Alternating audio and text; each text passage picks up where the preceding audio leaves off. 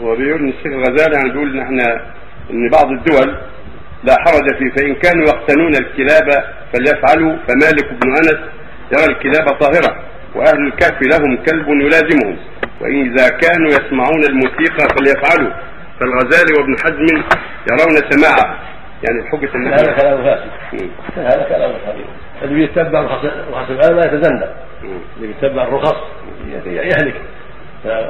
فابن حزم ومن قال بقوله في إحلال المزامير وآلات الملاهي والأغاني قول فاسد قول منكر وقد ضعف الحديث الذي جاء في تحريمها بغير حجة فقوله فاسد. كذلك قول مالك إن طهارة الكلاب خالفوا فيه الجمهور وقالوا راوا نجاستها لأن النبي صلى الله عليه وسلم أمر أن يغسل الإناء منها سبع مرات إذا بلغت الإناء يغسل سبع مرات أولاهن بالتراب وقال إنها النجاسة ولهذا الحديث طهور اناء احدكم يسمى طهور. مالك رحمه الله ظن أنه من أجل الطب وقاله جماعة ولكن الصواب أن هذا من أجل النجاسة لأن تبقى طهور اناء والإناء ما فيه إلا أحد أمرين. إما خبث وإما حدث. والإناء ليس من أهل الأحداث.